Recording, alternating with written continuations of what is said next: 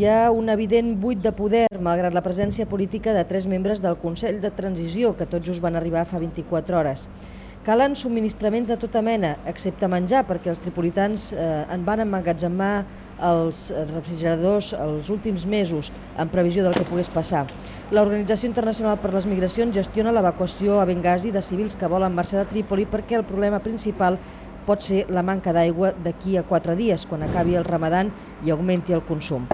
Uh, durant la jornada no hem sentit pràcticament trets. A aquesta hora, com sempre, a primera hora de la tarda, comencen altre cop els combats amb armes pesants des de la televisió líbia s'ha començat a demanar durants de sang i les organitzacions per drets humans investiguen també denúncies d'execucions de gadafistes capturats per milicians.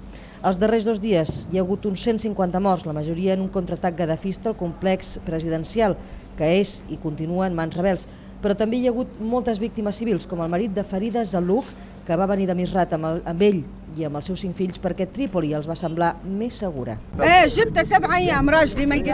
Va sortir a comprar benzina